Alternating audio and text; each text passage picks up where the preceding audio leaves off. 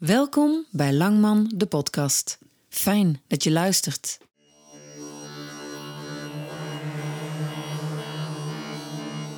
Welkom bij deel 4, waarin we ingaan op de achtergronden en impact op de mensen in de directe omgeving van Toon de Preeuw.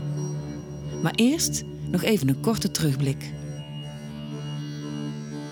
Toon werd in Turnhout overvallen, in zijn eigen kofferbak gegooid door een Duitser en een Nederlander die op rooftocht waren en heel toevallig Toon uitkozen. Na een vreselijke rit in de kofferbak en onder bedreigingen eindigde het op het strand van het Nederlandse Katwijk, waar Toon op brute wijze met messteken werd vermoord. De daders zijn opgepakt en veroordeeld. De Duitser levenslang en zijn compaan kreeg in Nederland 12 jaar. Meestal eindigt zo'n verhaal als alle daders opgesloten zijn en alle onderzoeken afgerond. Maar ik wil wat verder gaan en een diepere blik gunnen in hetgeen deze moord heeft aangericht onder de mensen om Toon heen. In deze vierde aflevering gaan we in op de gebeurtenissen tijdens het afscheid van Toon. Uit de toespraken, die een sterk beeld geven, voel je hoe dierbaar en belangrijk Toon was in hun leven. We horen ook van zijn beste vriend Raymond Schenkels over de impact die het heeft op hem, op zijn ervaringen en belevingen van het geheel. Om nog even aan te tonen hoe bruut en totaal zinloos deze moord was, blijkt uit het tragische gegeven dat deze voorkomt in de lijst van de ergste misdaden in de Belgische krant Het Laatste Nieuws. Zo schreef chef van Noten erover in die krant op 20 november 2020. Turnhout. Toon de Preeuw, 61, had twee keuzes. De keel overgesneden worden of in een ijskoude zee lopen om te verdrinken. Hij ging de zee in, maar keerde snel terug. De toen 24-jarige Sven Stam bracht hem daarop brutaal om het leven met een mes. De ex-schepen van de stad Turnhout werd de volgende ochtend door een visser gevonden op een verlaten strand.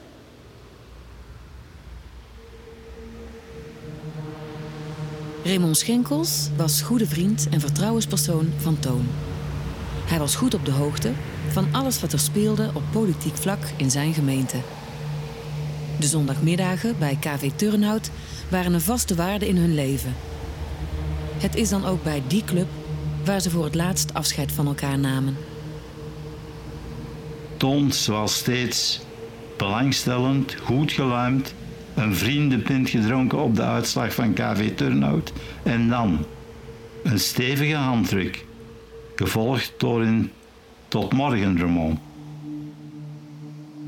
Ik heb uitgebreid met Raymond gesproken, omdat hij als beste vriend emotioneel betrokken was bij alles wat er gebeurde.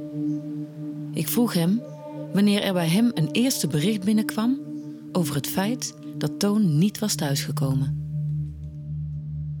Uh, het eerste bericht dat binnenkwam bij mij, dat was uh, de maandagmorgen om 7 uur. Het was dan Ninette, de echtgenote van Toon, die mij opbelde, vrij kwaad. Die wist dat wij wisten dat hij naar huis moest komen, omwille van het bezoek van zijn, hè, de moeder van, van Ninette. En Ninette dacht dat wij eigenlijk uit geweest waren in de cafés en weet ik wel allemaal. Wat helemaal om die reden niet waar was. Maar mij het telefoontje binnenkwam en dat hij zei, ja, Toon is nog niet thuis, dan wist ik, hier is iets mis. Wij zijn onmiddellijk uh, beginnen ja, gaan zoeken, wat kan er gebeurd zijn. Maar goed, er was eigenlijk op, er was niks te vinden op die moment. Maar wat doen mensen in zo'n ja, panieksituatie? Uh, wij zijn naar het kanaal gereden, wij zijn naar plaatsen gereden waar je denkt, wat kan er of wat zou er kunnen gebeurd zijn. Ik ben te voet, ben ook zelf naar de garage van Toon gaan kijken. Ongelukkig genoeg, ik ben dus niet tot in de garage geweest. Ik heb gezien dat onze wagen staan niet binnen. De garagepoort stond open. Dat was dus morgens rond half acht, kwart voor acht. Uh, en ja, ik, en ik zag de wagen staan niet binnen. Moest ik dichter gegaan en zou ik toen de bloedsporen nou gezien hebben. Raymond vertelt dan dat het politieonderzoek meteen wordt opgestart. En dat er ook al snel de meest wilde verhalen de ronde doen. Ton was, dat was dan het verhaal dat rond 10 uur in de voormiddag al zijn gang is gedeed, eh, de maandag voormiddag. Van Ton was gezien met een andere vrouw in een restaurant in Baarle. Of in Eindhoven, dat wist men dan niet juist. En die zaten daar te ontbijten allemaal verzinsels. de, die, ja, wat je van zegt, hoe komt men erbij? En uh, hij zou daar geweest zijn met iemand van Hongarije. Hongarije. Um, ja, het was nog perfect mogelijk, want er waren op, dat, op die moment toevallig mensen van Hongarije in Turnhout. Ja. En die logeerden in Turnhout en die logeerden ook in Kasterlee. En, en Toon zou met een van die mensen allee, op stap geweest zijn. De Hongaren, die op bezoek waren in Turnhout, kwamen uit de zusterstad Gödeleu. Ik vraag vervolgens aan Raymond hoe de gemeenteraad op die maandag was verlopen. Toon was spoorloos, niemand wist waar hij was en er was een enorme bezorgdheid. Raymond zelf was op die bewuste gemeenteraad niet aanwezig. Daar er een bijaardconcert was op de markt, waarvan zijn vrouw Simon in de organisatie zat. En ik was zelf uh, op de markt rond aan lopen. Op een bepaald moment is men dan beginnen vanuit... God, ik had nogal vanuit mijn, mijn job toen, ik, ik was bij de vakbond, maar ik had nogal vanuit die job toch ook nogal wat contacten met BOB, hè, dus de bijzondere opsporingsbrigade, die er toen nog was.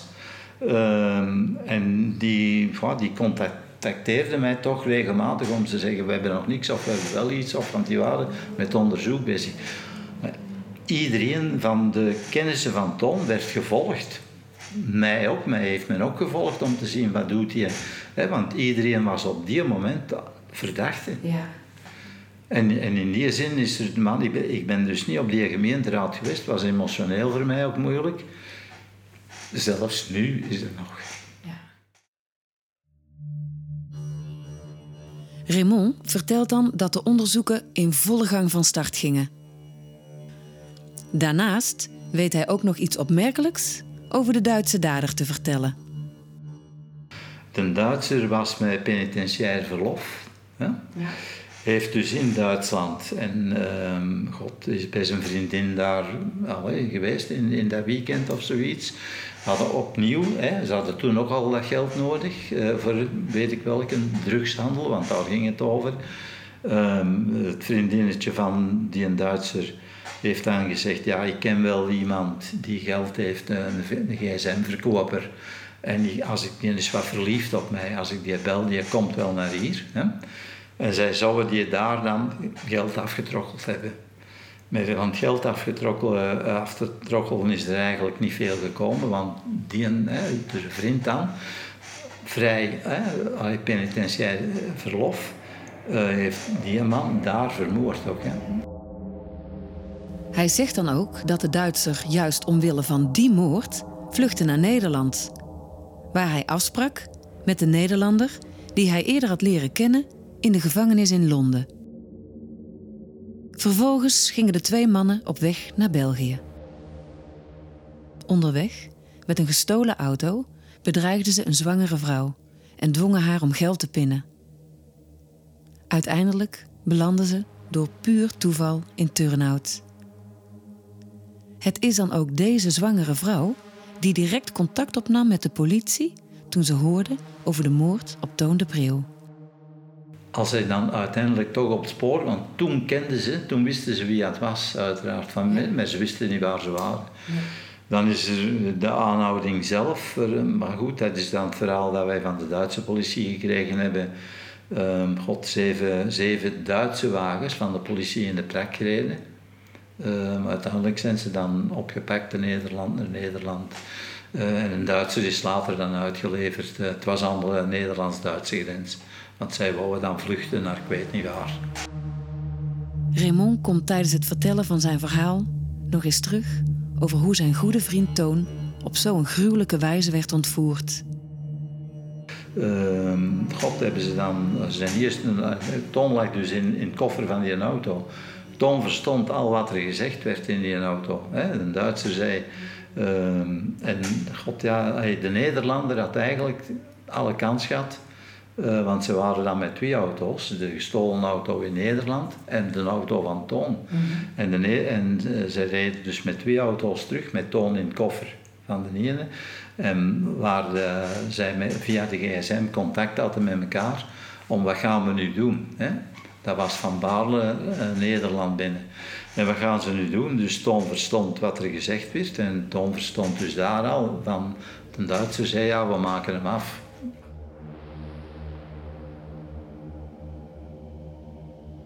Het raakt me echt als ik Raymond hoor en zie vertellen over hoe erg Toon eraan toe was. Zwaar gewond, liggend in de kofferbak van zijn eigen auto. In Katwijk, aan het strand, fysiek sterk verzwakt door zijn vele verwondingen, probeert hij tevergeefs te onderhandelen voor zijn leven met zijn harteloze ontvoerders. Dan zijn ze daar op strand gegaan. Op strand hebben ze gezegd van goed, uh, uh, er is daar nog, Ton heeft geprobeerd nog te onderhandelen. Gezegd, rij met mij terug naar Turnhout, wij hebben geld liggen thuis. Ik bezorg goed geld en ik ga mijn mond houden. De Duitser zei nee, je hebt ons gezien, wij, uh, dat kunnen we niet doen.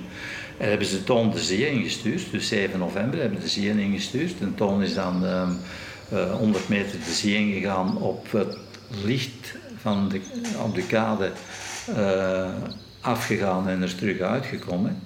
Hebben ze hem terug de zee ingestuurd. Hè. Het water was 10, 11 graden, 19 graden, ah, 9 à 10 graden. Is er nog een keer terug uitgekomen. En het is een tweede keer dat hij eruit gekomen is, dat hij een Duitser naartoe gegaan is. Uh, hij lag op het strand. Omdat hij dus niet meer kon en heeft aan zijn keel overgesneden. Dan komen er de twee processen. Raymond en zijn vrouw Simon zijn al beide aanwezig. Ze zijn aangedaan door de agressieve reactie van de Nederlander bij het horen van zijn straf. De man had in eerste instantie acht jaar gekregen. Hij was in hoger beroep gegaan om daar te horen dat het twaalf jaar zouden worden. Raymond vertelt mij dan nog iets. Tussen zijn die acht jaar al lang uh, verlopen. Ik heb intussen alleen uh, in, zijn gevangenis, uh, in zijn gevangenschap, in de periode dat hij dus zijn acht jaar um, ja, in het gevangen gezeten heeft, ehm, heb ik hem nog een brief gestuurd, omdat... Och, echt? Ja, ik weet niet of het toegekomen is of hij dat gekregen heeft. Ik heb al ja, met de vraag, ja, waarom? Ik vind het moedig, bijzonder, maar bovenal zeer respectvol naar Toon de Preeuw toe. Dat zowel Raymond iets ondernam naar de daders toe door een brief te schrijven. En dat zoon Dominique naar gevangenissen toegaat om zijn verhaal te doen. In de hoop iemand te bereiken. En dat diegene andere keuzes gaat maken wanneer deze buiten de gevangenismuren komt. Tegen het einde van ons gesprek haalt Raymond ook nog wat mooie herinneringen op over de vriendschap tussen hem en Toon. Uh, wij waren altijd samen, wij hebben een periode in. Dat was ons, bij ons de vriendschap. Wij waren al ja, goed, veel nachten samen. Wij gingen pintjes drinken en weet ik wat. Ten slotte vertelt hij nog over één opmerkelijke ontmoeting die hij had tijdens een vakantie, samen met zijn vrouw, na het overlijden van Toon. Jaren later komen wij dus uh, in Benalmadena, het zuiden van Spanje, mm -hmm. uh, in een Rio-hotel. Uh, en naast ons zitten twee Nederlandse dames. En ja, als je Nederlands spreekt, dan spreekt al elkaar, elkaar spreekt, je spreekt elkaar gemakkelijk aan. Hè? Goed, en van waar zijn die? En die zeggen van Katwijk. Ja, zeggen wij van Katwijk. En kennen jullie dat verhaal? Ah ja, zegt die een dame. Wij hebben die man zien liggen, 100 meter bij ons op strand. Is bijna ja, het is bijna niet te geloven.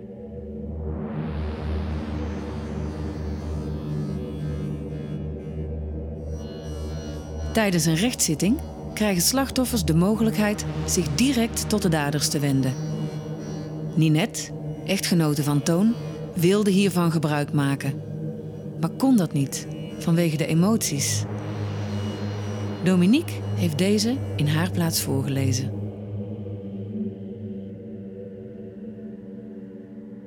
Mijn man was een rustige persoon en had een gesloten karakter. Hij was heel tolerant, zacht en stelde weinig eisen. Hij had een open visie op het leven. Hij heeft altijd een druk leven gehad. Hij had zijn baan en was actief in de gemeentepolitiek als schepen- en gemeenteraadslid. Sinds 1 augustus vorig jaar was hij met pensioen en genoot van zijn rust. Hij las heel graag en had daar nu eindelijk de tijd voor. Hij was tevreden. Aangezien ik sinds 2003 ook thuis was, waren we voor het eerst beide meer thuis. Hij was 61 jaar, ik ben 60. Dan verwacht je toch dat je nog jaren samen kunt genieten van het leven. We hadden nog zoveel plannen om samen uitstappen en reizen te maken. En ineens is er geen toekomst meer. Alleen nog een grote leegte. Alles is nu anders. Zijn dood is geen dood die bij het leven hoort. Deze dood zal ik nooit kunnen accepteren. Toen ik mijn man moest identificeren, zag ik de doodsangst nog op zijn gezicht. Dat beeld laat me nooit meer los. En steeds weer speelt zich een film af waarin ik zie wat ze hem die nacht hebben aangedaan. Nadat er geld was afgehaald aan de bankautomaat, had het afgelopen moeten zijn. Waarom moest hij dood? En waarom moest daar nog zo'n vreselijke nacht aan vooraf gaan? De eerste maanden waren we misschien nog verdoofd door de klap, maar nu dringt steeds meer door hoe vreselijk en hoe onmenselijk die nacht moet geweest zijn. Niet alleen mijn man is slachtoffer geworden, maar ook ik, onze zoon, zijn broer en zus en al zijn vrienden. Mijn zoon is sindsdien meer dan volwassen geworden. Alle onbezorgdheid is weg. Hij hoefde niet bezorgd te zijn op mij en nu belt hij zo vaak als hij kan om te horen of het wel goed met me gaat. In mijn leven is vanaf nu alles anders geworden. Ik dacht dat ik zelfstandig was en ik heb veel alleen ondernomen. Ik ben ook veel alleen geweest, dat was geen probleem. Maar nu wel, nu ben ik eenzaam. Ik heb nachtmerries gehad waarin we samen moesten vluchten of waarin Tony telkens weer pijn wordt gedaan. Ik gebruik nu slaapmedicatie en als ik s morgens wakker word, zie ik er vaak de zin niet van in om op te staan. Daar moet ik mezelf toe dwingen. Ik ben nooit bang geweest om s'avonds alleen buiten te zijn, maar nu durf ik dat niet meer. Ik heb de papieren van mijn mans bureau opzij geschoven om plaats te maken voor alle stukken van deze strafzaak. Maar zijn spullen opruimen kan ik nog niet. Het is net alsof ik dan zou toegeven dat het definitief is. Soms heb ik vreselijke huilbuien van verdriet en woede. Op andere momenten lijkt het maar niet door te dringen wat er gebeurd is, dat dit nu definitief is. Ze zeggen dat verdriet slijt, maar een jaar na de feiten zijn de pijn en het gemis alleen maar groter geworden. De zitting voor de rechtbank dit voorjaar is ook een zware dobber geweest. Vooral de uitkomst was een grote schok. Het lukt ons maar niet om die beslissing te aanvaarden. Ook dat is tot vandaag aan ons blijven klagen. Ook Dominique wilde zijn verhaal vertellen in de rechtszaal. Ik had een goede verstandhouding met mijn vader. We lijken wel op elkaar. Vroeger gingen we samen met een ander gezin op vakantie en dan vertelde mijn vader altijd verhalen aan ons. Ik stelde me voor dat hij dat weer zou doen als ik misschien kinderen krijg. Ze zouden zeker veel aan elkaar gehad hebben. Ik heb veel goede herinneringen aan mijn vader, maar ik kan er niet meer van genieten. Elke keer wanneer ik terugdenk aan een fijn moment, komt onherroepelijk ook dat gruwelijke einde weer boven. Dat maakt die herinneringen alleen maar moeilijk. Ik kan nu niet meer geloven dat het leven eerlijk is. Mijn vader heeft gestudeerd, gewerkt, iets goeds opgebouwd in de maatschappij en voor de mensen rondom hem. Daarvoor had hij beloond moeten worden. En hij verdiende het om nu van zijn rust te kunnen genieten. In de plaats daarvan is hem alles gruwelijk ontnomen. Dat voelt zo onrechtvaardig en is heel pijnlijk. Het geeft ook een onveilig gevoel. Als hem zoiets kan overkomen, dan kan het mij ook, dan kan het iedereen gebeuren. In de eerste week heb ik verscheidene angstdromen gehad waarin de daders terugkwamen. Mijn werk en veel dingen die ik doe voelen geregeld zinloos en ik heb nog steeds een heel leeg gevoel. Het is ook niet altijd gemakkelijk voor me om op een regionale tv-redactie te werken, waar mijn collega's deze zaak professioneel volgen of waar vaker berichten van misdaden passeren. Ik voel nu aan de lijve hoe indringend de journalistiek kan zijn. In allerlei kleine dingen merk ik de impact op mijn leven. Als er op tv nog maar de aankondiging komt van een misdaadserie, krimpt mijn magel in elkaar en zap ik weg. Het is te veel. En er gaat geen dag voorbij zonder dat die vreselijke nacht van mijn vaders dood weer door mijn hoofd spookt. Elke dag opnieuw. Altijd weer stel ik me voor wat er is gebeurd. Zie ik die mannen hem te lijf gaan. Hoewel het soms moeilijk was, heb ik zoveel mogelijk informatie in het dossier gelezen. Ik wil precies weten wat er zich die nacht heeft afgespeeld. Ik probeer het plaatje rond te krijgen. Maar er blijven vragen. Hoe is het om uren in de kofferbak van een auto te liggen zonder te weten wat er zal gebeuren? Heeft hij nog kansen gezien? Wat heeft hij gevoeld? Wat zou ik zelf gedaan hebben? Hoe zitten mensen in elkaar die zoiets doen of laten gebeuren? En natuurlijk, waarom, waarom, waarom?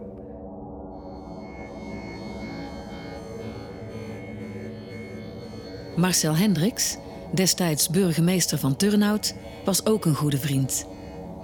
In 1967 werden ze allebei politiek actief binnen de CVP Jongeren. De CVP is het huidige CDMV, zoiets als het CDA in Nederland. Marcel en Toon waren samen bijna 20 jaar actief binnen diezelfde politieke partij. In zijn afscheidsreden horen we hoe groot het respect was van Marcel voor Toon. Dag Toon. We hadden ons goed geamuseerd die zondagnamiddag 7 november. KV Turnhout won, het pintje na de match smaakte. Je was in opperbeste stemming en met menige kwinkslag vrolijkte je het gezelschap op. Het was dan ook jammer dat je naar huis moest, iets vroeger dan gebruikelijk. De dag nadien kwam de onrust. Overlopend in ongeloof, onbegrip, razernij en verslagenheid. Vandaag moeten we afscheid nemen. Maar het lukt ons nog niet. We hebben de realiteit dat jij er niet bent nog niet verwerkt. We zijn niet alleen in dat gevoel van onmacht en leegte. De voorbije dagen hebben heel veel mensen hun verbittering en boosheid om wat jou werd aangedaan komen neerschrijven in het rouwregister dat in het stadhuis ter ondertekening lag. Maar er staan ook ontzettend veel uitingen van dankbaarheid en waardering in voor wie je was en wat je deed. Toon wordt omschreven als een uiterst verstandig en gedegen persoon vol vernieuwende ideeën.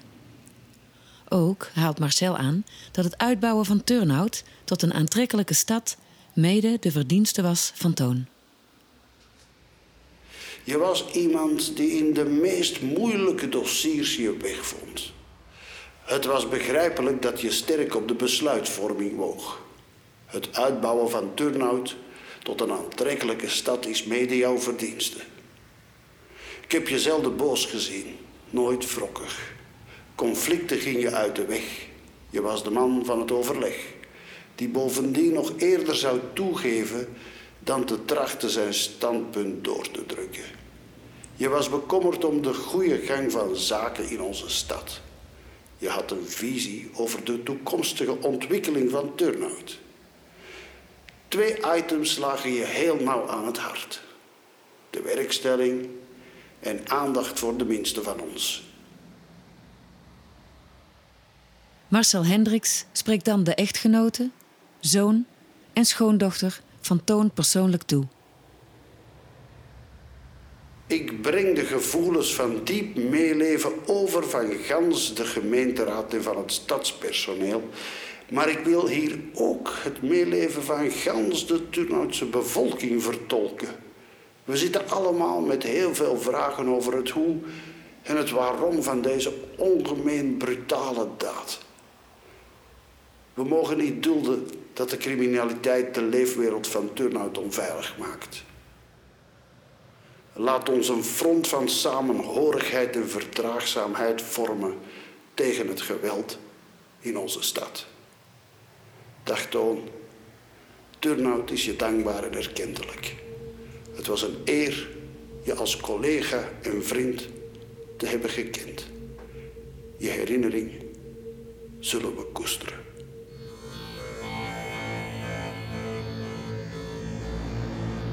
We komen aan het eind van deel 4. De laatste van deze serie over de moord op Toon de Preeuw. Zo dadelijk kun je luisteren naar de emotionele afscheidswoorden van Raymond, bij de uitvaart van zijn dierbare vriend Toon de Preeuw. Als je hier meer over wil weten, kun je terecht op mijn website deboralangman.be. Heb jij zelf een verhaal? Dan kun je mij contacteren via mijn website of Facebook. De volgende serie zal gaan over de kleine Luna, vermoord door Hans van Temse. Hopelijk ben je er dan weer bij. Je hoort nu Raymond. Goede vrienden aanwezigen, beste familie van Tom, Ninette, Dominique, Lauren. Zonder enige reden, zonder enige aanwijzing, zonder enige overlevingskans, zonder, zonder, zonder, werd op de meest brutale manier een goed mens uit het leven, uit onze kring weggenomen. Brutaal, barbaars, op het beestige af werd een echtgenoot, een vader, een familielid, een vriend uit deze aardse kring weggerukt. Het spreekwoord beter een verre vriend dan een naast familielid raast dag en nacht door mijn hoofd. Waarschijnlijk door alle aanwezigen hun hoofd. In dit geval kan ik de tolk zijn van velen. En ik wens niet te spreken over een verre vriend, maar over iemand waarvoor de eenvoudige woorden beste vriend, vriend in goede, maar ook in minder goede dagen is uitgevonden. De voorbije dagen hebben ons niets dan spookbeelden gebracht. Beelden waar we van meenden dat ze enkel in de hersenkronkels van geesteszieken bestonden. Beelden ver van ons bed, maar nu zijn ze onder ons, sterker dan in de meest vergaande fantasiewereld. Utopisch. Het kan niet waar zijn. Het kan toch niet. Maar wat kon niet, is nu onder ons realistisch tot op de drempel van onze woningen, in onze woningen. Realiteit dat het meest tot de verbeelding sprekende scenario ooit zal geschreven hebben. Beelden die ons opstandig maken. Een opstandigheid waar we geen weg mee weten. Opstandigheid die we niet kunnen ventileren. Toon is een man die kansen gaf.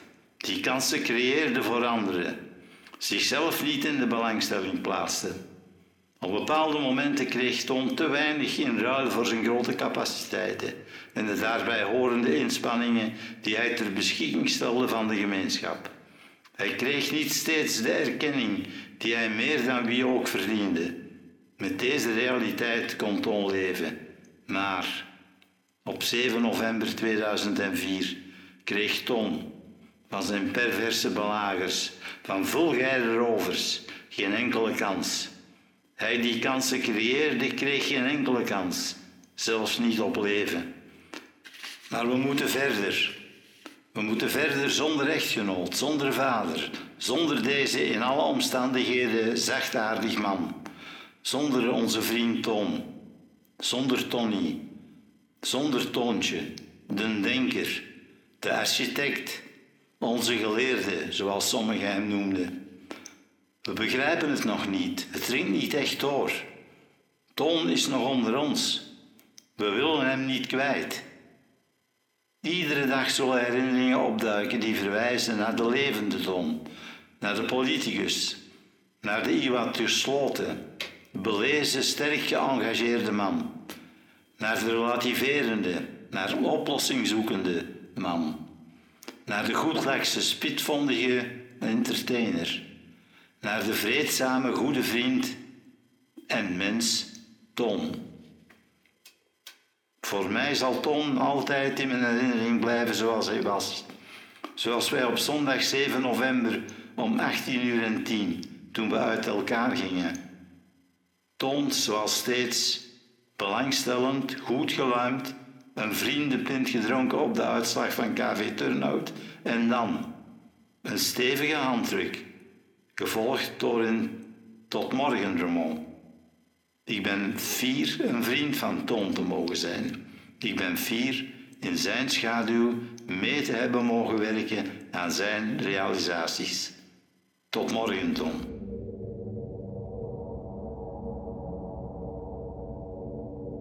Deze podcast is een productie van Antwerp Podcast Service. Techniek en regie is van Leel Ussie. Met dank aan Dominique de Preeuw, Raymond Schenkels, Marcel Hendricks, Mieke Paulussen, Peter Mane en Radio Tos. De stem van Marcel Hendricks werd ingesproken door Geert Beulens. Ik ben Deborah Langman. Bedankt voor het luisteren en tot de volgende.